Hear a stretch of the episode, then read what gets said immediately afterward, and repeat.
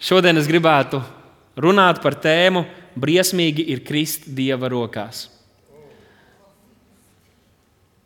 Man patīk jūsu reakcija. Es pateikšu vēlreiz. Šodien es gribu runāt par tēmu Briesmīgi ir krist dzīvā dieva rokās. Ir kādi mācītāji, eh, kas ir teikuši, ka, un tas, manuprāt, ir bibliski, ka cilvēki pasaulē kaut kur dziļi iekšienē viņi zina, ka viņi ir grēkojuši. Viņi zina, ka ir radītājs, kurš ir svēts, un ka radītājs ir dusmīgs uz viņiem. Un tādēļ tā ir biedējoša doma, un vieglākais veids, kā ar to tikt galā, ir izvēlēties sevi mierināt ar domu, ka dieva vispār nav. Ka radītājs nav, ka tāds morāls standarts, kurš viņiem gan sirdīs ir ierakstīts, ka tāda nav, un ka nebūs nekādas nekādu seku, ka nebūs jānes atbildība par mūsu dzīves izvēlēm un to, ko mēs būsim darījuši ar to vēstu, ko būsim dzirdējuši. Jūs paši varat spriest, vai jūs tam piekrītat vai nē, bet Mateja evanģēlijā, desmitajā nodaļā, Jēzus runāja uz saviem mācekļiem, kad viņš tos izsūtīja, un tas ir interesanti. Jēzus izsūtīja savus mācekļus. Un mēs domātu, ka būtu pietiekami. Nu, mūsdienās mēs zinām labāk par evaņģēliju, mēs zinām labāk, ko Bībele māca. Mēs, mēs domājam, būtu pietiekami, kad mēs pateiktu mācekļiem, kādam, ko mēs sūtām kalpošanā, un katru svētdienu mēs kā draugi tiekam izsūtīti, lai veiktu savu kalpošanas darbu arī pa nedēļu. Būtu tas pietiekami, ka Jēzus būtu viņiem pateicis, Dievs jūs tik ļoti mīl un ir tik ļoti gandarīts un apmierināts ar jums. Ejiet! Un darbojieties, ejiet un kalpojiet, ejiet un, un, un paklausiet maniem vārdiem un dariet šīs lietas, ko, ko Dievs aicina jūs darīt. Bet Mateja evanģēlīja 10. nodaļā, 28. pantā, Jēzus viņam teica, bet nebīsties no tiem, kas miesu nokauj un dvēseli nevar nokaut, bet bīsties vairāk no tā, kas miesu un dvēseli var nomaitāt ellē. Tad Jēzus izsūtīja savus mācekļus, Un tad viņš saka, nebīsties no cilvēkiem, kuri visstrakākais, ko viņi var jums izdarīt, ir laupīt jūsu dzīvību. Bet tad viņš saka, bet bīsties to, kurš var nomaitāt jūsu garu un jūsu dvēseli ellē. Un ir liels spēks tajā, kad mēs saprotam, cik liela ir Dieva mīlestība. Bet jautājums ir, vai mēs varam izprast Dieva mīlestības dziļumu un spēku, kad mēs neizprotam viņa, viņa taisnību, viņa svētumu. Vai mēs varam izprast un pieņemt Dieva žēlastības lielumu, un apmēru un bagātību, ja mēs neizprotam mūsu pašu salauztību un grēku.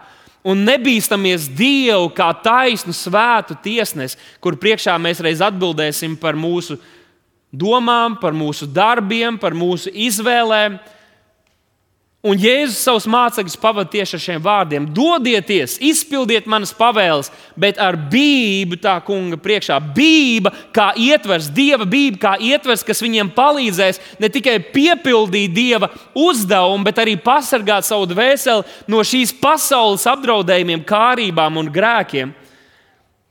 Savukārt, Lūkas evanģēlī, 10. nodaļā mēs zinām, ka Jēzum nebija tikai 12 mācekļi. Ir bieži mēs liekam to uzsvaru, ka Jēzum bija 12 mācekļi, bet viņam sekoja desmitiem un simtiem un pat tūkstošiem cilvēku. Un bija reizes, kad viņš izsūtīja ne tikai 12, kas bija viņa tuvākie mācekļi, bet vairākus no tiem. Un šajā reizē Jēzus bija izsūtījis 70. Viņš deva viņiem varu, un tad, kad viņi atgriezās, viņi bija prieka pārņemti. Un tie no jums, kas bijāt pagājušajā svētdienā, vai kas dzirdējāt pēc tam internetā, jūs atpazīsiet šo, par ko es tagad runāju. Kad šie cilvēki, 70, viņi atgriezās un viņi savā starpā, un viņi jēzum nāk un saka, wow, tas tiešām darbojās. Cik daudz jūs esat bijuši arī sajūsmināti, kad kaut ko, kas, ko jūs Bībelē esat izlasījuši, jūs ejat un praktizējat, un tas notiek, un tas darbojās. Un mēs tādi, wow, tas ir labais, tas strādā, Dievs ir varens, viņa vārds ir patiesība. Un šie cilvēki atnāca gluži kā mēs arī varam justies bieži. Viņi atnāk un viņi stāsta, wow, pat ļaunie gāri mums paklausa. Un tas bija kaut kas, kas vecajā derībā nekad nebija noticis. Ja vecajā derībā tu biji demona apsēsts, tad demona apsēsts tu nomiri un visbiežāk tieši tam dēļ, ka tu biji ar demoniem apsēsts. Un šajā gadījumā ir vienkārši cilvēki, ticīgie Jēzus mācekļi, kur iet un demoniski cilvēki, kur ir Visādā veidā tu vari redzēt, ka šis demons ir apsēdis šos cilvēkus līdzīgi kā Jēzus, tā arī viņu. Viņi saka, pat demoni mums padodas tavā vārdā. Huh! Iedomājieties, kad mēs aizietu uz kādu populāru jaunciemā, piemēram, kapsētu, ja, un tur trīs demoni apsēst cilvēku, savažot, sadauzīt, un viņi met tev virsū. Un, un, un tu ticības pilns viņiem pasaki, ja. Un hops, demoni iziet cilvēku pilnībā šķīstīt. Ja. Tu, tu nebūtu bijis sajūsmināts par to? Ja tu nebūtu jau aizbēdzis, pirms, pirms tu varētu viņus uzrunāt, Cilvēki, kristieši vispār agrāk ap, ap kapiem ar riņķi, riņķi, riņķi apkārt gāja ap kapiem. Bet viņi to ir piedzīvojuši. Viņi nāk un stāsta, viņiem ir prieks un sajūsma. Un paskatīsimies, ko Jēzus viņiem teica. Jēzus viņiem saka, 19. pantā, redziet, es jums esmu devis, palīdziet man, es jums esmu devis spēku. Ok, tas ir forši. Mums vajag spēku. Mēs varam cilvēcīgi dzīvot, bet Jēzus saka, es jums esmu devis spēku. Kādu spēku? Savu spēku. Dievišķu spēku, to spēku, kas Jēzum bija. Tādēļ, ka viņam ir autoritāte, viņš mums to var dot, un šo spēku, kas viņam ir pār demoniskiem spēkiem un šīs pasaules lietām. Spēku, ka varat staigāt pāri čūskām un skorpioniem, un katram ienaidniekam spēkam, un viss tam jums nekā nekaitēs. Viņš runā par, par dievišķu apsardzību, drošību no demoniskiem uzbrukumiem. Tas, ko mēs varam pamanīt, ir, ka šie cilvēki taču nenāca, ja jūs iepriekš lasīsiet, viņi nestāstīja, wow, tur čūska bija mežā, mēs uzkāpām viņai, nekas mums nenotika. Un viņi nerunā arī par fiziskiem skorpioniem. Tā kā ne par to viņš šeit runā. Ienaidnieku spēkam viņš runā, ka jūs dzīvosiet, cenšoties paklausīt tam kungam un pildot viņa pavēles, ka visāda veida šīs pasaules lietas un apdraudējumi jums nevarēs neko nodarīt, jo mums ir dots spēks Mums ir dots spēks. Mēs zinām, piemēram, Pāvila piemēru, kur viņš bija pie ugunskuras vācot tos ko, kociņus, viņam aptinās čūska un iekod, un tur bija tie tautieši, citautieši, kas teica, oi, nu viņš tagad mirs. Un tad, kad redzēja, ka viņš nemira, tur burtiski bija apsardzība no čūskas šī kodiem. Brīnums notika. Tad, kad viņš nemira, Viņi gribēja viņu pielūgt kā dievu, jo viņi zināja, ka viņam bija jāmirst. Tā tad arī burtiski apsardzība no lietām, no uzbrukumiem, fiziskiem apdraudējumiem, bet šeit viņš runāja par garīgām lietām. Nu, tālāk viņš saka, tomēr, 20. pāns lasām kopā, tomēr nepriecājieties par to, ka gāri jums paklausa, bet priecājieties par to, ka jūsu vārdi ir ierakstīti debesīs. Un es zinu, ka šo ir ļoti grūti uztvert. Šis ir smagi par to klausīties un dzirdēt. Jo mēs cilvēcīgi meklējam savu prieku šīs pasaules lietās. Mēs paskatāmies uz mūsu kaimiņu, mēs paskatāmies uz mūsu kolēģi, mēs skatāmies, kas viņam rada prieku, kas viņu iepriecina. Un tad mums šķiet, ka tas ir vienīgais veids, kur arī mēs varam smelties prieku. Šeit Jēzus saka, nepriecājieties par to, ka gari jums paklaus, bet es domāju, ka mēs varētu iet vēl tālāk. Un, protams, ka viņi priecājās. Bet varētu teikt, nepriecājies par to, ja tev šobrīd ļoti labi iet dzīvē. Nepriecājies par to, ja tev ir izdevies izveidot biznesu. Nepriecājies par to, ja tev sanāk karjera un tu redz, ka tev karjera bīdās uz priekšu. Nepriecājies par to, ja tu esi saņēmis dziedināšanu pats. Nepriecājies par to, mēs varētu runāt vēl un vēl un vēl un dažādas lietas. Nepriecājies par to, ja Dievs tev ir dāvājis brīnišķīgu dzīves draugu. Nepriecājies par to, ja tev ir bērni. Hei, Mums par to visu taču ir jāpriecājas un jābūt pateicīgiem. Bet es ticu, ka šeit Jēzus mums centās parādīt, ka mums nevajag smelties vai būt atkarīgiem no šī sava prieka, tāpat kā pasaule no tā, kas notiek apkārt. Atcerieties, pagājušajā svētdienā. Nesmelies savu prieku tikai no tā, kas tev ir, kas ir tavā dzīvē, jo mums jāsmeļās mūsu prieks, mūsu prieka avotam ir jābūt no augšas. Jo tajā brīdī, kad mēs smeļamies prieku no augšas, kad mēs smeļamies mieru no augšas, tad mēs neesam atkarīgi no tā, kas notiek. Pat ja mans dzīves draugs man mīl, šobrīd es esmu prieka pilns, bet, ja gadījumā mums ir saspringta situācija, es varu būt piepildīts ar prieku, kas var atnest dziedināšanu mūsu attiecībās. Nesmelies prieku no šīs pasaules lietām. Garījums paklaus, tas ir labi, bet lai tas nav vienīgais, par ko tu priecājies. Lai tavs sirds ir prieka pilna tam dēļ, ka tavs vārds ir ierakstīts debesīs. Un tas ir kaut kas, kur mums ir jāpieliek fokus, kur mums ir jāpieliek uh, piepūle, lai mēs smeltos no debesu avotiem. Lai mēs smeltos no augšas, lai mēs saņemtu no viņu. Jo, ja mēs tā vienkārši plūdīsim, tas vienkāršākais ir, nu, tikko kaut kas priecīgs notika, man piecas minūtes ir prieks. Jūs zināt, šodien cilvēki mēs vispār nemākam pat priecāties. Pat aizsūti kaut kādu smieklīgu emoji, kaut kādu gifiņu aizsūti uh, WhatsApp ģimenei vai kam, un jūs zināt, ka mēs atbildam ar, tiem, ar tām emociju zīmītēm, ka mēs baigi smejamies, bet visdrīzāk mēs pat nepasmaidām. Ne? Tas ir iekšējais iepriecinājums. Mēs pat nemākam to tā vairs izrādīt. Es ticu, ka šeit Jēzus saka, Protams, ka tas ir labi, ka jūs priecājaties, ka notiek brīnumi, ka piepildās Dieva vārds, ka tas viss notiek, ka labas lietas notiek jūsu dzīvē. Par to, protams, vajag priecāties. Bet tas nevar būt tas jūsu, pa, jūsu prieka, šis pamata avots. Tās lietas ies un mainīsies. Bet kā lai mēs neesam kristieši, kas esam augšā, lejā, augšā, lejā, augšā, lejā, tas ir, kad mēs neesam atkarīgi no tā, kas ir augšā, lejā, augšā, lejā. Jo Dievs un Dieva vārds un viņa apsolījumi ir mūžīgi paliekoši. Un mēs ejam no ticības ticību, un kad mēs no ticības ticību ejam uzticoties viņam, tad mēs jau vairāk piepildīsimies ar prieku, kaut arī šo pestīšanas prieku. Padomājiet!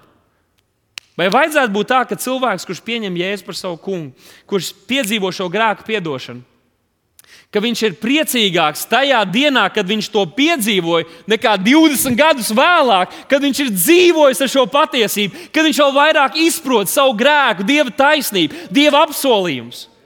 Tas tā nevarētu būt. Ja mēs esam 15 gadus pie Dieva, mēs esam pazaudējuši pestīšanas prieku.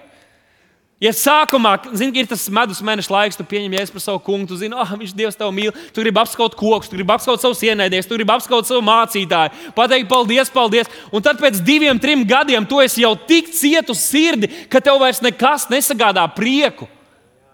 Ja vien tavs lūkšanas saraksts netiks izpildīts, man nav par ko priecāties, man ir depresija un tā tālāk, kaut, kaut kas nav pareizi. Kaut kas nav pareizi. Šim priekam arī ir jābūt pieaugušam. Šiem avotiem ir jāplēš vaļā, kur nāk dzīvība tavā dzīvē, kas izpaužas arī kā prieks. Es gribu iedrošināt tevi, paskaties pagājušā svētdienas dievkalpojumu, ja tu to neizdarīji. Tas ir ļoti, ļoti būtisks jautājums. Tā kunga prieks ir mūsu stiprais patvērums, ir mūsu spēks. Un kad viņa priekā mēs dzīvojam, tad viss šajā pasaulē paliek otrs šķirīgs. Un tas nevar mūs ietekmēt. Ja tev šodien nav prieka, ja tu jūties nospiests, atļauj man te paprasīt, vai tavi grēki ir piedoti? Vai tavs sots, kas tev būtu jācieš tavu grēku dēļ, vai tas ir samaksāts? Vai Dievs tev ir iedēstījis lokālā draudzē, kur apkārt tev ir citi grēcīgi cilvēki, kurus Dievs ir taisnojis un svētījis un glābis? Dievs tev ir dāvājis garīgu ģimeni, vai, vai, vai tev ir šīs lietas, vai tev nav tiešām par ko priecāties. Efeziešu vēstulē, otrajā nodaļā, Pāvils izdara tādu spēcīgu kopsavilkumu par to, kāda ir šī glābšana, šīs glābšanas definīcija, kur viņš saka, jo no žēlastības jūs esat pestīti ticībā. Un tad viņš liek uzsvaru, tas nav no jums, tā ir Dieva dāvana, ne ar darbiem, lai neviens nelielītos. Un mēs zinām, ka šī dieva žēlastība, tā, tas ir pilnībā tas, ko Dievs dara. Tā ir dieva griba, tas ir dieva nodoms, tas ir, tas ir dieva paša paveiktais Jēzu Kristu. Jūs esat pestīti, jūs esat pestīti dieva žēlastībā un ticībā, kas arī ir dieva dāvana. Gan glābšana ir dieva dāvana, gan arī ticība, ka mēs varam noticēt uz evaņģēlīju. Arī tā ir dieva dāvana, ne ar darbiem, lai neviens nelielītos. Tātad mēs saņemam šo glābšanu, pestīšanu pilnībā bez mūsu pašu darbu, eh, darbiem, bez mūsu pašu līdzdalības. Tur nu vēl vairāk mums ir jāpriecājas, jo mūsu glābšanas noturēšana vai pastāvīgums arī nav atkarīgs no mūsu darbiem, tāpat kā sākumā tā, tā nav atkarīga no mūsu pašu darbiem. Ja mēs to nopelnītu ar saviem darbiem, tad mēs varētu to pazaudēt ar saviem darbiem. Bet, ja mēs to, nu, ja mēs to saņemam ticībā, uzticoties viņam, tad jo priecīgāk mēs varam būt. Jo pat ja mēs krītam un klūpam un nesam uzticami, Dievs ir uzticams. Dievs ir uzticams. Viņš saka, ne ar darbiem, lai neviens nelielītos. Un es gribu, lai mēs drusku par to padomājam. Mums nav itē nekas, ar ko lielīties Dievu priekšā. Tā ir Dieva žēlastība un tā ir ticība, ko Dievs mums dod. Ticība ir vienkārši uzticēšanās. Es vienkārši uzticos tam, ko Jēzus ir paveicis. Un līdz ar to Die Jēzus Kristus taisnība tiek pieskaitīta man par manu taisnību. Ne ar darbiem, lai neviens nelielītos. Vai ir, vai ir kārdinājums sākt lielīties ar darbiem? Ir, par to mēs esam daudz runājuši. Es atceros kādu stāstu. Um, kāds vīrs mūsu draudzē stāstīja par um, spēli, kur viņš bija spēlējis basketbolu ar kādu pusaudzi, kurš ir viņa radinieks. Un, uh, šis puisis trenējās uh, trenējās basketbolā, bet tīri tā, lai viņu iedvesmotu un iedrošinātu, mazliet motivētu, turpināt uh, trenēties, vai ne? Kad ir, ka ir potenciāls šis vīrs no mūsu draudzes, kurš ļoti labi spēlē, uh, nu, bija piekāpies mazliet šajā spēlē. Viņi, viņi spēlē, viņš mazliet ļauj palaist garām, iemest un tā. Un tā nu sanāk, ka šis puisis uzvar, bet no šīs labās gribas, no mūsu draudzes vīra, kas ir pēc dieva tēla līdzības radīts, ne, un Kristus um, auglis parādās viņā, viņš piekāpjas, nu, palīdzot šim jaunam puisim uzvarēt vienu spēli. Un ziniet, kas notika? Tas, tas gan ir tas, kas notika, kad notiek ar ticīgu cilvēku, ar kristieti, kurš sāk paļauties saviem darbiem. Tas, tas pusaudzis esot tik demonstratīvi svinējis savu pārākumu un uzvaru. Nu, demonstratīvi. Es varētu jums tagad parādīt, bet man reizēm saka, es pārāk, pārāk aizraujos ar demonstrācijām. Mācītājs saka, nē, dari, dari. uh, tik ļoti demonstratīvi. Un tad vēl ļoti ilgā laika posmā tas viņam tika atgādināts atkal un atkal un atkal. Kur tu saproti, ka, ja, ja nebūtu šī žēlastība parādīta no, no šī vīra puses, tam puisim nebūtu bijušas nekādas izredzes. Tu vienu reizi viņam atļauj uzvarēt, un viņš ir lepns. Un tas ir cilvēcīgi, tas ir loģiski un saprotami. Es iedomājos, ka es pusauģis gados tieši tāpat būtu darījis. Iespējams, ka pat šobrīd. Neļaujiet man uzvarēt, es to pats izdarīšu. Es domāju, jā, interesanti. Bet Dievs, ir, Dievs pārliecināsies, ka nebūs neviens kā šāds pusaudzis. Neviens kā šāds pusaudzis nevarēs iet Dieva valstībā. Neviens nevarēs iet Dieva valstībā sprāgājot un sakot, pastieties, kā es esmu kalpojis. Pastieties, kā es lūdzu. Redzējāt, kā es korī slavēju? Zini, cik reizes esmu izlasījis Bībeli? Nebūs neviena, neviens, nebūs nevienam pilnīgi. Mums visiem būs mutes ciet, mums, mēs visi aiziesim līdz turienei, un mēs kalpojam, mēs dzīvojam, lai Dievs tik pagodināts, klausot, cik vien varam, mēs gribam izpildīt viņa gribu. Bet tad, kad es aiziešu debesīs, es vienkārši cerēšu un paļaušos, ka Jēzus Kristus stāvēs un teiks, tas ir manējais. Ka viņš teiks,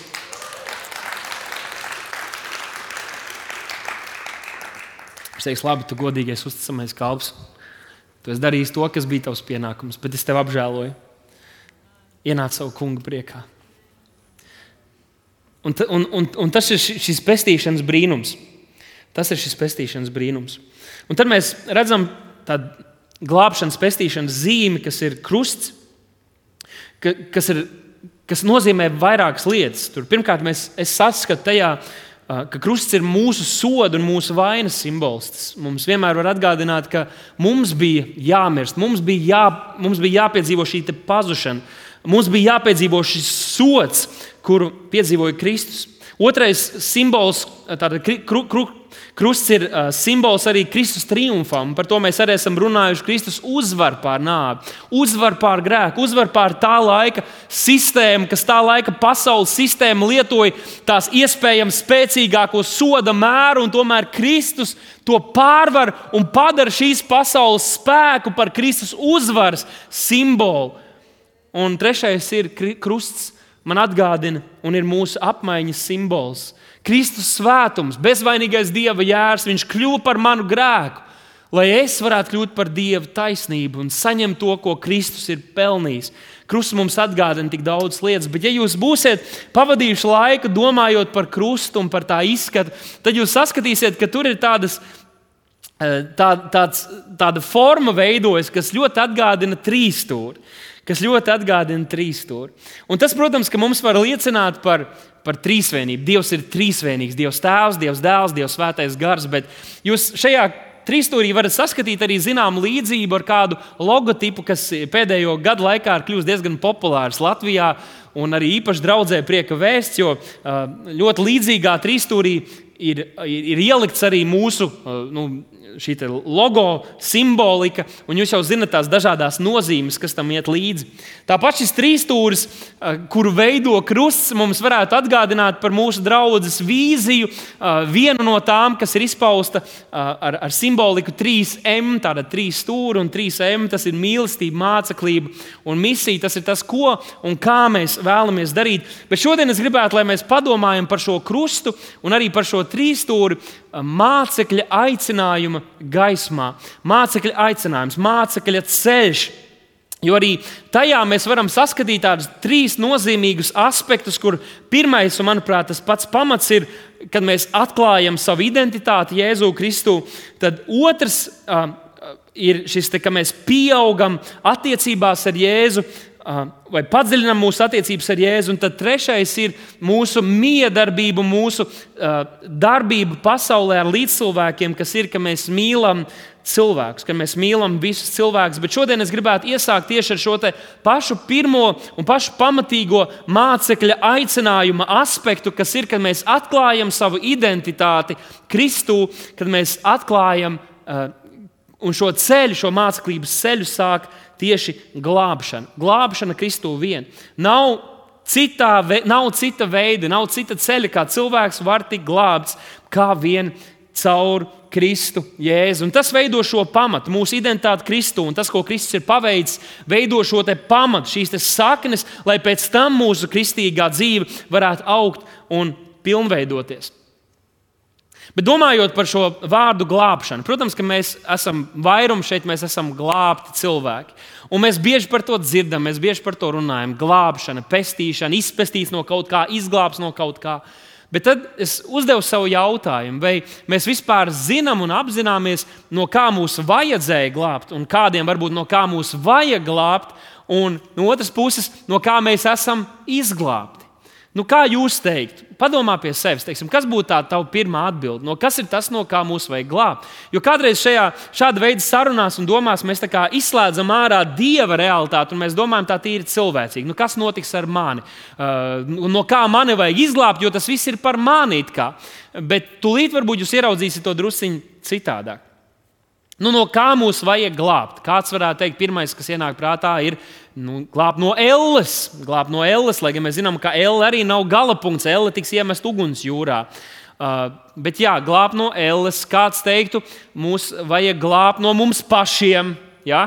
Kāds teiktu, eh, no kā mums vajag glābt, kāds teiktu, eh, tagad ir nu, tāda liberālā, kristīgā kustība, kas ļoti gadiem ilgi akcentējusi, eh, mums vajag glābt no reliģijas. Reliģijas ir pats pats sliktākais. Tad, kā bēgot no reliģijas, cilvēki aiziet pilnīgā ņūēģa kristietībā, liberālā kristietībā, kam vispār nekas saistīts vairs nav ar, ar, ar, ar ar Dieva vārdu, jā, ar kristīgo mācību. Protams, tur arī teiksim, mēs neesam par reliģiju, bet mēs neesam arī par tādu.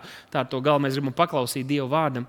Nu, nu, kā vēl kāds varētu teikt, ka mūs vajag glābt? Nu, No, no, no, no pazušanas, ja, no soda. Tas viss tā kā par mums. Es gribētu jums parādīt tādu patiesību, eh, kas varbūt kādiem no jums atvērs acis un palīdzēs mums dievu bīties un uh, priecāties vairāk par šo glābšanu kas, kas mums ir dota. Un tātad tas, no kā mums vajag tikt izglābtiem, nav vienkārši elle. Tas ir rezultāts. Elle ir rezultāts, vai šī ugunsjūra ir rezultāts šim, šai lietai, no kā mums vajag paglābt. Tas, no kā cilvēci un katru cilvēku vajag izglābt, no kā mums vajag izglābties, ir no svēta dieva dusmības un taisnas tiesas. Tas ir tas, no kā mums vajag paglābt. Ne no paša soda, kas ir rezultāts tam procesam, kas stāv mūsu priekšā, kas ir šis pazudinošais process. Uh, un pēc mirkļa jums parādīšu, ka Bībele arī par to runā uh, ļoti, ļoti daudz. Arī Jēzus, kad viņš Uh, kad viņš lūdza tēvs, ja tas ir iespējams, lai šis dusmu biķers, lai man paiet garām, tomēr ne mans prāts, bet tavs prāts. Jēzus nebijās no pātagām vai no šīm krusta nāves. Protams, ka tas bija fiziski ciešanas, bet tas, par ko viņš lūdza, nebija, lai tēvs viņu atpestītu no fiziskām ciešanām. Viņš teica, lai šis biķers, šis dusmu, dusmības biķers, pēc tam arī Daniela grāmatā, vecajā darbā, atklāsmes grāmatā runāts par dieva dusmības kausu. Un, un Jēzus par to lūdza. Tātad tas, no kā mums vajag izglābt, ir no dieva dusmības un no šīs taisnās tiesas. Un pirms mēs runājam par šo dievu dusmību, es gribu akcentēt, ka ir atšķirības starp cilvēku dusmām un starp dieva dusmām. Ir atšķirības starp arī kristieša nu, svētajām dusmām un, un, un dieva dusmām, jo cilvēka un arī kristieša dusmas ļoti reti ir pamatotas un taisnīgas un, un nekad nav svētas. Bet dieva dusmība un dieva dusmas vienmēr ir svētas, un ir pamatotas un ir, un ir taisnīgas. Uh, Jo viņa šī dusmība par cilvēka grēku un nepaklausību tā pilnībā ir pamatota, jo dēļ viņa nodoma un plāna, kā šīs pasaules radītāja un uzturētāja, kurš bija radījis šo pasauli, lai tā būtu svēta un pilnīga, bet jebkāda nobīde, nepaklausības, sabuntošanās pret to, kas viņš ir un to, kāds ir viņa nodoms Tas nevar pastāvēt viņa klātbūtnē, un tam ir jātiek sodītam. Ir kādi cilvēki, kas saka, jā, bet Dievs ir, eh, Dievs, kā viņš var būt mīlošs, ja viņš tur soda un, un tam līdzīgi. Tas ir pilnīgi ārprāts tādā veidā domāt par Dievu, ka mēs saprotam, ka Viņš ir radītājs, mēs esam radījumi pīšļi. Tā, tā kā ir, tā arī ir. Mēs nevaram spraigāt un kaut ko sūdzēties, bet mēs zinām, ka Dievs ir taisnīgs. Tātad, ja tā Dieva vārds mums atklāja to un mūsu dvēseli mūs pārliecina par to, ka esam pelnījuši sodu, mūsu pašu grēku dēļ, mūsu pašu izvēļu dēļ, tad, tad uh, mums nav, ko mēs varam teikt. Dievs tur tā nav taisnīga. Tas tā kā kāds cilvēks, kurš būtu ārkārtīgi izglītots, viņš varētu pateikt, nu, kurš izdomāja to gravitāciju? Nu, kurš izdomāja to gravitāciju? Es neticu viņai, es to nepieņemu. Ne? Nu, tu vari darīt, ko tu gribi. Neviens nevar atslēgt gravitāciju, kamēr šī pasaule pastāv. Šie dieva radītie fizikas likumi arī darbojās. Un tāpat arī dieva svētums un taisnība ir neatceļams. Un Bībele saka, ka grēka alga ir nāve. Ne tāpēc, ka Dievs to tā vēlas, bet tāpēc, ka tas tā ir. Un Dievs mums vienkārši atklāja to, kas ir patiesība un realitāte. Un grēka alga ir nāve, tādēļ visi tie, kas ir grēkojuši, ir pelnījuši nāvi. Nu, mazliet vairāk tātad es gribu jums parādīt šo dusmības aspektu. Jau vecajā darbā mēs to redzam ļoti plaši parādīt tādā mazākā mērā, bet Salamana pamācības 11. nodaļā Salamans, kurš tiek uzskatīts par visu laiku gudrāko cilvēku, kurš dzīvoja zemes virsū, viņš saka, man te neko nepalīdzēs tā kunga dusmības dienā, bet taisnība glābi no viņa nāves. Dieva taisnība glāb no nāves. Tātad tu vari sakrāt daudz, tu vari iegūt varu, atpazīstamību, slavu, bet tajā dienā, kad tu stāvēsi Dieva troņa priekšā, nekas no tā visa, ko tu šajā pasaulē būsi iegūmis, kas tev dod drošības sajūtu un tev šķietamu spēku un ietekmi, tas viss Tev būs laupīts. Visi oligarhi, visas šīs pasaules ietekmīgie kādu dienu stāvēs Dieva troņa priekšā, un viņiem nebūs itin nekādas noteikšanas un nekas, uz ko paļauties, jo Dievs ir visu kungu kungs un visu ķēniņu ķēniņš. Visi, reiz, visi ceļi reiz locīsies viņa priekšā. Vēlāk mēs redzam, ka Jānis Kristītājs Mateja Vāģelī 3. nodaļā arī sagatavoja kristuma ceļu un paskatieties, ko viņš pārmeta tā laika farizējiem un saduķējiem, kuri pievienojās, sabiedrības kustībai, bet viņu sirdīs nebija patiesa grēka nožēls. Un viņš viņiem pārmet ar šiem vārdiem, viņš teica, jūs oģu dzimums, kas jums mācīja bēgt no nākamās Dusmības, nevis no ēles, nevis no pazušanas, bet no dusmības. Kas jums mācīja bēgt no dusmības? Un kādā citā vietā viņš saka, nu tad parādiet pienācīgus atgriešanās augļus. Ja tas, ko mēs darām, mēs nākam uz baznīcu, mēs noskaitām lūgšanu, mēs veicam kaut kādas garīgas prakses, ja tas ir tikai tā tīri āršķirīgi, bet mūsu iekšēnē nenotiek pārmaiņas, mūsu dzīvē neparādās atgriešanās augļi, tad par to Jānis Kristītājs jau brīdināja tā laika reliģiskos ļautiņus. Uzmanīsimies, ka mēs nekļūstam par tādiem.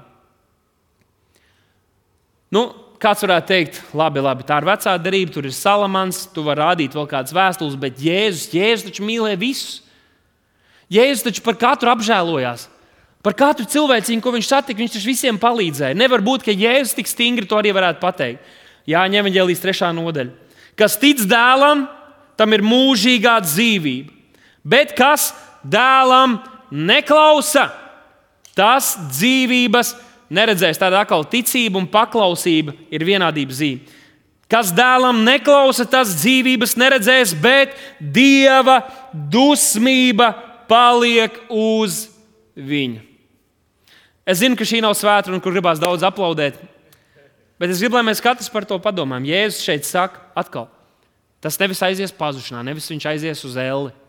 Bet, ja cilvēki atsakās ticēt evaņģēliem un atsakās ticēt uz Jēzu Kristu un paklausīt viņam kā savas dzīves kungam un glābējam, dusmība paliek uz viņu. Tā pati dusmība, kur Jēzus izcieta pie krusta. Šī dusmība, šis dusmības kaus, ko viņš baudīja, Jēzus to ir baudījis to vietā, kur uzticās viņam. Viņš to izcieta mūsu dēļ. Un es ticu Jēzum. Es ticu Jēzum Kristum kā savam kungam glābējam. Es ticu, ka viņš ir Dievs, kurš nāca miesā no augšām cēlies trešajā dienā. Un mana dzīve to apliecina, jo es paklausu viņam kā savas dzīves kungam. Man ir mūžīgā dzīvība. Lūk, man ir mūžīgā dzīvība, jo sots un dieva dusmība, kurai būtu jānāk pār manu dzīvi, Viņi, tas tika izlietas pār jēzus 2000 gadus atpakaļ. Un tas man tiek pieskaitīts. Lūk, es izbēgu no dieva dusmības. Bet, ja es atsakos, esmu es ticīgs dievam vai nē, ja es atsakos ticēt uz evaņģēlīju, tad dieva dusmība paliek pār mani.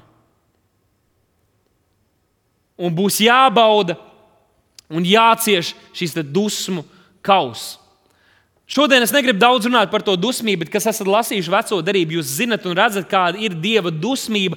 Viņš pat savu tautu nesaudzē, kad viņi nododas elkiem, kad viņi neklausa viņu vārdam. Tad pienāk laiks, kad Dievs attur, attur, attur savu dusmu, bet tad tā dusma tiek izlieta. Un tā izpaudās dažādos veidos. Bet visu to, ko cilvēks piedzīvoja pasaules vēsturē, nevar salīdzināt ar to dievišķo dusmību, kas piemeklēs cilvēks tajā dienā, kad visi mēs stāvēsim Dieva troņa priekšā. Dievs ir sagādājis šo glābšanas ceļu, šo dievišķo labvēlību katram vienam, kas nāk caur grēku nožēlu un atgriešanos, kas ir apmierinājis šo dievu dusmību, bet mums katram ir jāizdara izvēle, vai mēs noraidīsim šo dievišķo mīlestību un labvēlību un izvēlēsimies, lai dieva dusmība paliek pār mums, vai tieši otrādi.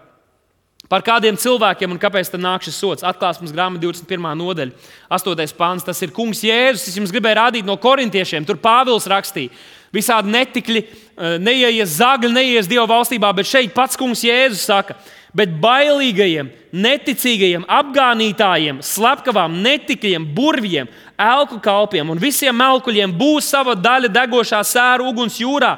Tā ir otrā nāve. Pats Jēzus saka, tam dēļ, dēļ šo grēku dēļ cilvēki aizies pazušanā. Šīs neticības dēļ cilvēki aizies pazušanā. Tādēļ Pāvils 2. korintiešiem 5.11. viņš saka, tad nu pazīdami šo bību.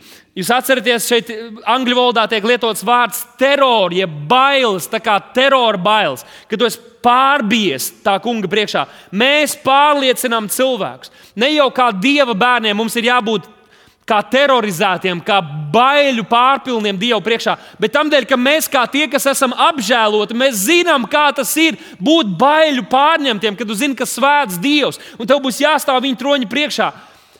Un tu, tu cietīsi šīs viņa dusmas, pazīdami šīs bailes Dievu priekšā. Pazīdami to, kā ir būt neglābtam, pazinot to, kā ir, kad tu zini, ka Dievs dusmīgs ir uz tevi. Un ka tu neesi salīdzināts ar Dievu, pazīdam šīs bailes, Pāvils saka, mēs pārliecinām cilvēkus. Tādēļ mēs esam pašaizliedzīgi, tādēļ mēs kalpojam, tādēļ mēs ne, ne, nebaidamies būt uzbāzīgi kādreiz, vai runāt un teikt kādreiz atkal un atkal, un lūgt par cilvēkiem. Jo mēs zinām, kā, kā ir, ka tu zini, ka Dieva nav tavā dzīvē, ka Kristus ir tālu no tevis. Tu esi viens, tu esi bailīgs, tu esi apdraudēts, tu esi pazudināts Dieva priekšā. Jo Dievs ir taisnīgs un viņš gādās, ka visi tie, kas grēku dara, saņems atbilstošu sodu. Jūdas 1. nodaļā, 22. pantā rakstīts, un citus, kas šaubās, apžēlojiet, glābiet no uguns izraudami, citus apžēlojiet ar bailēm. Man patīk šis salīdzinājums, tas kā ugunsgrēks notikt kādā mājā, un tur ir ugunsdzēsēji, kas skrien un rauj cilvēkus ārā, lai tos glābtu. Tā šeit mūs jūda iedrošina un saka, tā jūs glābiet. Pāvils saka, zinādami to, kā ir dzīvot bez dieva, un tagad piedzīvojot viņa glābšanu un klātbūtni, mēs tam dēļ pārliecinām. Un jūda saka, tā kā viņi būtu mājā, kas deg, glābiet, glābiet, glābiet cilvēkus. Jo mēs nezinām, cik ka, tā māja sabruks. Mēs nezinām, kad arī māja deg. Var jau stāvēt tur ārā un teikt, nē, nu vēl kādu pusstundu viņa deg, varbūt paši tiks ārā. Un tad, ja netiks ārā, pēc pusstundas es iešu iekšā un mēģināšu izglābt, ja kāds tur vēl būs pieejams. Nē, nē, nē. Ja māja deg, tad jūs zinat, ka jebkurā brīdī ir iespējams, ka tā var sagru, sagrūt. Tā var pilnīgi iznīcība var atnākt, un jūda saka, glābiet, kā no uguns izraut, kā no uguns izraut. Iedomājieties, ja Dievs mums atvērtu acis kaut vai vienu dienu, kaut vai pusstundu, kad mēs staigātu tur, kur mēs esam, un mēs redzētu cilvēkus, kur ir, kur ir uguns, uguns vidū, kur ir degošos namos, kur ir degošās darbvietās, degošās mašīnās, kur šis uguns ir. Un viņi cieš, un viņi to paši varbūt neredz un nejūt. Mums pilnībā izmainītos tas, kā mēs dzīvojam, kā mēs, par ko mēs domājam, par ko mēs lūdzam. Raujam ārā tā kā no uguns, raujam ārā tā kā no uguns. Ko mēs varam darīt? Pirmkārt, jau lūkšana. Tā ir kalna kustināšana. Mēs sākam ar lūkšanu, bet tad tas parādās mūsu darbos. Un jo vairāk mēs lūgsim, jo vairāk arī Dievs atvērs durvis, lai mēs varam kalpot un glābt cilvēkus. Un, protams, ka tikai Viņš ir tas, kurš glābi. Vēstulē ebrejiem desmitajā nodaļā, šeit atslēgas raksturvietā, ir rakstīts, briesmīgi ir krist dzīvā dieva rokā. Briesmīgi ir krist dzīvā dieva rokā. Ja mēs esam bez Kristus, briesmīgi ir dzīvot. Ja mēs esam bez Kristus un viņa lielās žēlastības, ja mēs neesam saņēmuši šo jauno dzīvi, ja mūsu grēki nav nomazgāti, izdzēsti, tad šī dzīve ir mokas, jo mēs zinām, ka tad, kad tā neizbēgamā diena pienāks, mūs sagaida tikai vēl sliktākas dienas. Un ir kāda pasaulē, kas saka, jā, tur elle ir e, vieta, es tur tusēsim un dzersim un ballēsimies. Ja tur kristieši ir, es nemaz tur negribu būt. Bet elle nav vienkārši vieta, elle ir soda vieta. Tas ir tas sots, tā ir vieta, kur nav vita nekā laba, kur nav dieva klātbūtnes, kur nav dieva žēlstības. Šajā laikā visi cilvēki pasaulē vēl aizvien bauda dieva žēlstības laikā. Mēs dzīvojam, kad viņu, e, viņu grēki netiek piemeklēti uzreiz ar, ar adekvātu sodu no dieva puses. Bet kādu dienu tas laiks pienāks, un viņš saka, briesmīgi ir krist dzīvā dieva rokā. Briesmīgi ir krist dzīvā dieva rokā. Tas ir kā ugunīdeg, tas ir, tas ir Tas ir briesmīgi. Mēs lūdzam, Tēvs, atver mūsu acis, varbūt, kas mēs vienkārši mierpilsonīgi dzīvojam un domājam, nu, tā jau viss ir kārtībā. Nē, ir, ir kaut kas, no kā mums vajag paglābt, un katram vienam paglāpties. Bet tad es domāju, šie vārdi briesmīgi ir Kristā kunga rokās. Dieva rokās tas savienojās ar, ar, ar raksturvietu, kas ir atrodama vecajā derībā, 2.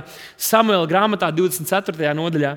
Un tur Dāvids, kurš bija kārtējo reizi, jāsaka, grēkojas pret to kungu, kur viņš bija skaitījis tautu, un tas tiek pieņemts varbūt kā tāda lepnība, uh, kur viņš varbūt gribēja sajusties, cik viņš ir bagāts, cik viņš ir varens, un ko Dievs viņam bija aizliedzis.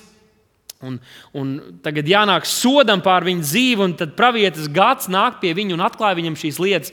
Un tad paskatieties 24. nodaļā, 14. pantā, kādus vārdus Dāvids saka. Tātad no vienas puses briesmīgi ir Kristus Dieva rokās, bet šeit Dāvids saka, man ir ļoti lielas bailes. Es labāk vēlētos Kristā, kunga rokā, jo bezgalīgi ir viņa žēlastība. Bet es gan nevēlētos Kristus cilvēku rokās. Un tagad mēs varam to visu salikt kopā. Mēs vecāki būdam ļauni, mēs vecāki ļauni būdam, zinām, saviem bērniem dot labas dāvanas. Bet mēs kā neesam ļauni. Briesmīgi ir Kristā kunga rokās. Ja tu nezini, cik žēlsirdīgs viņš ir pret tevi un kādu žēlstību viņš tev ir parādījis. Dāvids vecajā derībā un pats ik pa laikam krītot un klūpot, viņš pazina Dievu. To mēs redzam psalmos, to mēs redzam viņa dzīvē. Lai gan viņš neizdarīja vienmēr pareizās izvēles, un arī tu neizdarīsi. Bet viņš pazina, viņš zināja kaut ko par Dievu. Kad atnāk pravietis pie viņa, tad viņš saka, es pazīstu cilvēkus. Viņi ir ļauni. Viņu sirds ir ļaunas un viltus pilnas. Un, ja es kaut ko būtu grēkojis pret viņiem, nodarījis viņiem pāri, viņi izdarītu maksimāli, lai man iznīcinātu. Tas ir mūsu vecā daba. Cik var apliecināt, tā ir. Mēs esam ļaunatminīgi, mēs esam briesmīgi cilvēki. Viņš saka, bet es zinu kaut ko par Dievu. Un, lai gan es esmu grēkojis pret viņu, nevis pret cilvēkiem, es gribētu nevis cilvēku rokās nonākt, bet Dieva rokās krist. Jo jā, viņam bija jāpiedzīvo kaut kāds sots, tur viņš saka, bet liela ir Dieva žēlastība. Un lūk, kur parādās šī dieva žēlstības, tās izmērs, tas lielums, ka mēs ieraugam, kas mēs esam, ko mēs esam pelnījuši, un arī cilvēki mums līdzās. Un tad, kad mēs saprotam, ka Dievs mūs ir apžēlojis, ka Jēzus izciet šo sodu, ko mēs esam pelnījuši, un Svētais Gars mūs pārliecina par grēku taisnību tiesu, vismaz pasauli viņš dara. Mēs ieraugam, wow, Jēzus ir tik ļoti varens. Un Dieva mīlestība ir tik ļoti liela, viņš kaut ko zināja par Dievu.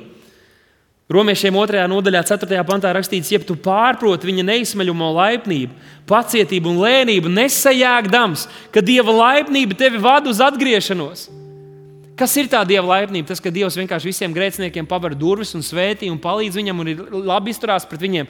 Es nedomāju, ka par tādu laipnību viņš šeit runā bet par to laipnību, ka tu saproti, ka mēs neesam nekā cienīgi. Par to, ka tu saproti, ka mēs esam vainīgi svētdievu priekšā, ka mums ir jācieš sots mūsu grēku dēļ.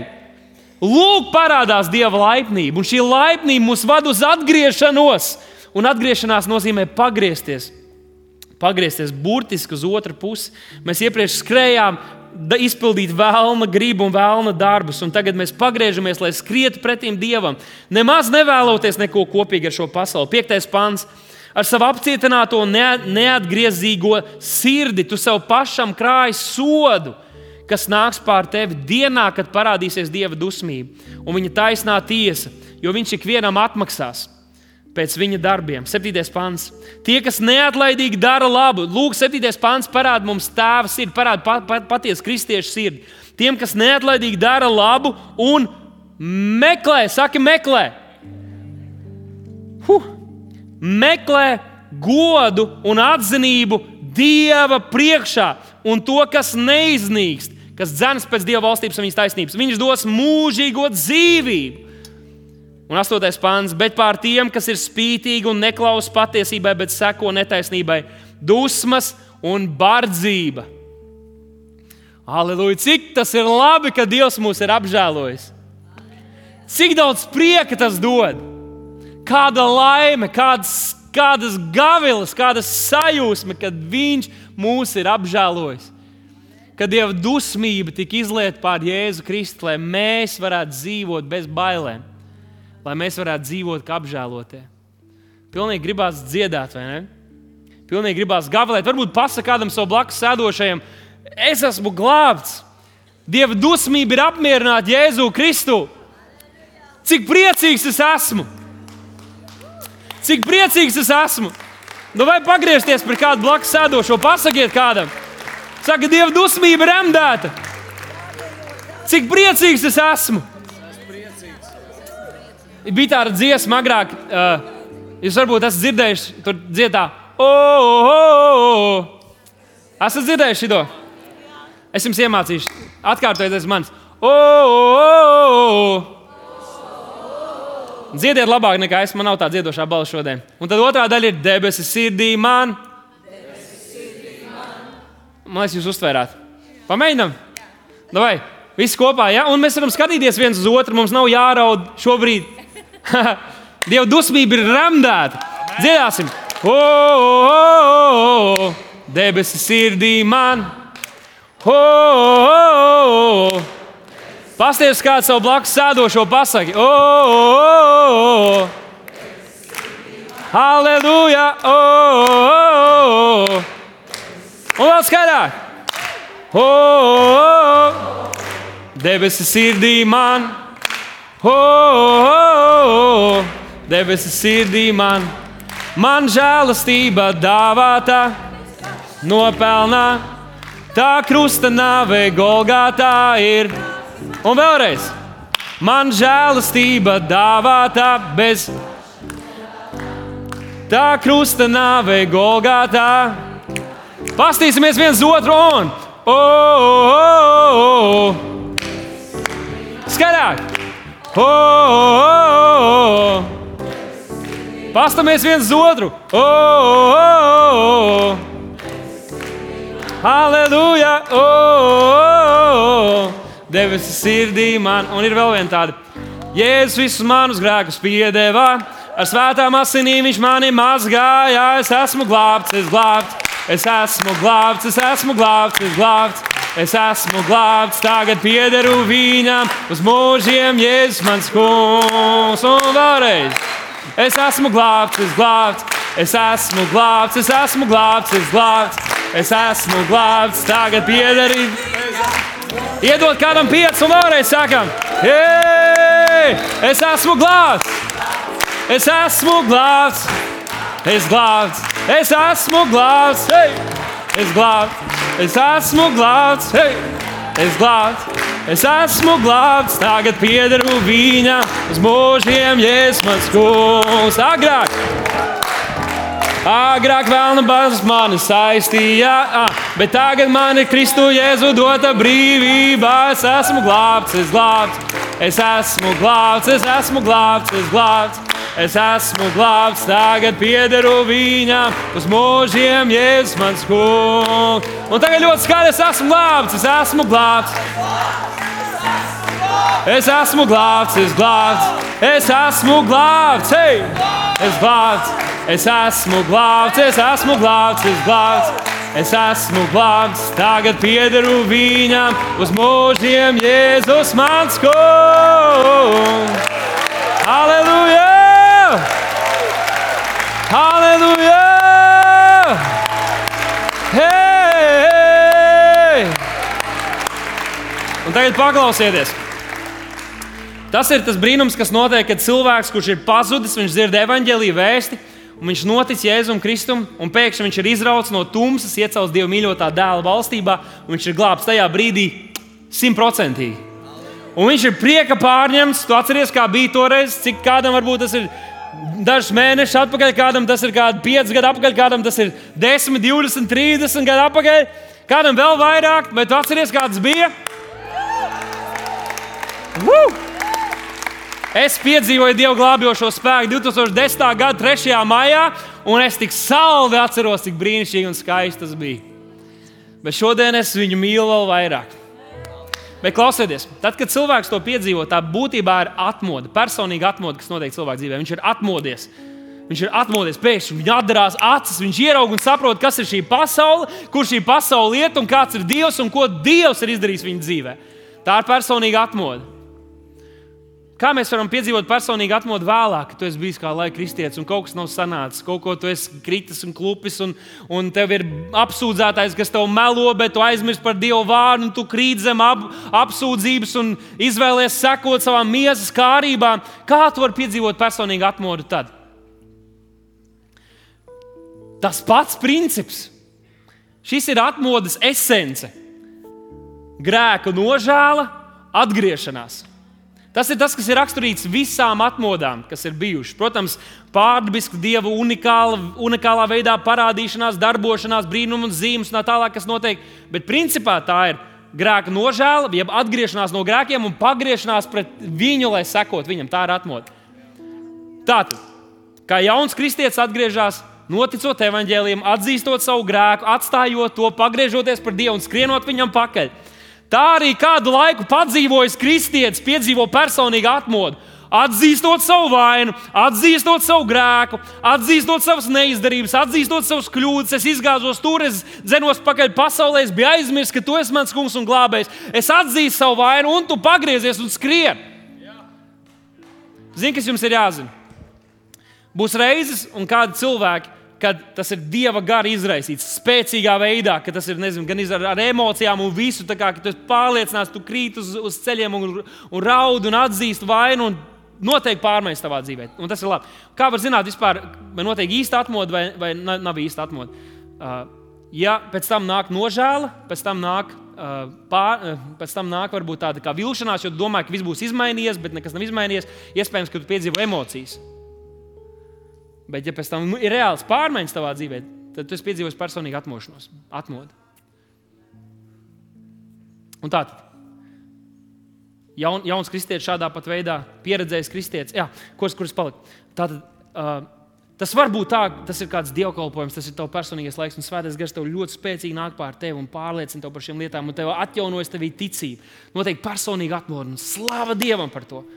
Bet, zini, tam tev nav vienmēr jāgaida, kad svētais gars to izdarīs. Ja tagad, svēt, ja tagad tev notiek pārliecība tavā sirdī, varbūt Dieva gars tev vada uz to. Un tas ir Dieva gars, kas to dara. Citādi nevar, tas tev neuzrunātu. Tas vienkārši nav emocionālā veidā, tas nenotiek šobrīd ar tevi. Bet, ja tu jūti, ka Dieva gars tev runā, atstāj to, seko viņam, tad raudi tu vai neraudi. Ja tu izvēlies to darīt, tā ir personīga atmoda. Dzirdēt, tā ir personīga atmoda. Vienalga, kur tu dzīvo. Rīgā kaut kur tālāk, tā ir personīga atmoda, ka tu tiec pārliecināts, svētais gars tev pārliecina ar asarām, bez asarām, ar puņķiem, bez puņķiem. Svētais gars tev pārliecina par tavu grēku, par tavām kļūdām, un tu pagriezies, lai skriet pretim Dievam, tā kā tu to vari un saproti. Tā ir personīga atmodu. Un tagad es jums gribu parādīt, es sākumā biju domājis, ka varētu runāt par progresīvu atmodu. Skatieties, viens cilvēks, tas notiek ar vienu cilvēku. Ar mani tas ir noticis un notiek atkal un atkal. Es ik pa laikam raudu par saviem grēkiem, un ik pa laikam priecājos par Dieva Kristus piedošanu. Tātad jauns kristietis vai kāds, kurš ir bijis kā lai kristietis, viņš tagad no jauna iedegās. Viņš piedzīvo personīgu atmodu, viņš atstāja savus grēkus, kādas kļūdas un seko Kristum ar jaunu nodošanos, ar jaunu deksmu Dieva lietās, ar rūguni, kas deg tavā sirdī. Skaties. Un viņš satiek vēl vienu kristieti, pie kura jau Dievs dara to darbu. Vai varbūt šis aizdedzina to, un tas arī ir Dieva darbs tādā veidā. Un viņi tagad ir trīs, viņi ir četri, tā ir mazā grupiņa, tā ir draudzē lūkšanas kaut kādas. Tā jau varētu, jau varētu nosaukt par lokālu tādu mazu atmodu. Tas nav varbūt pēc tādiem pasaules standartiem atmodu, ja tur tūkstošiem un nacionālā līmenī, bet tā jau ir atmoda. Lokāla atmoda.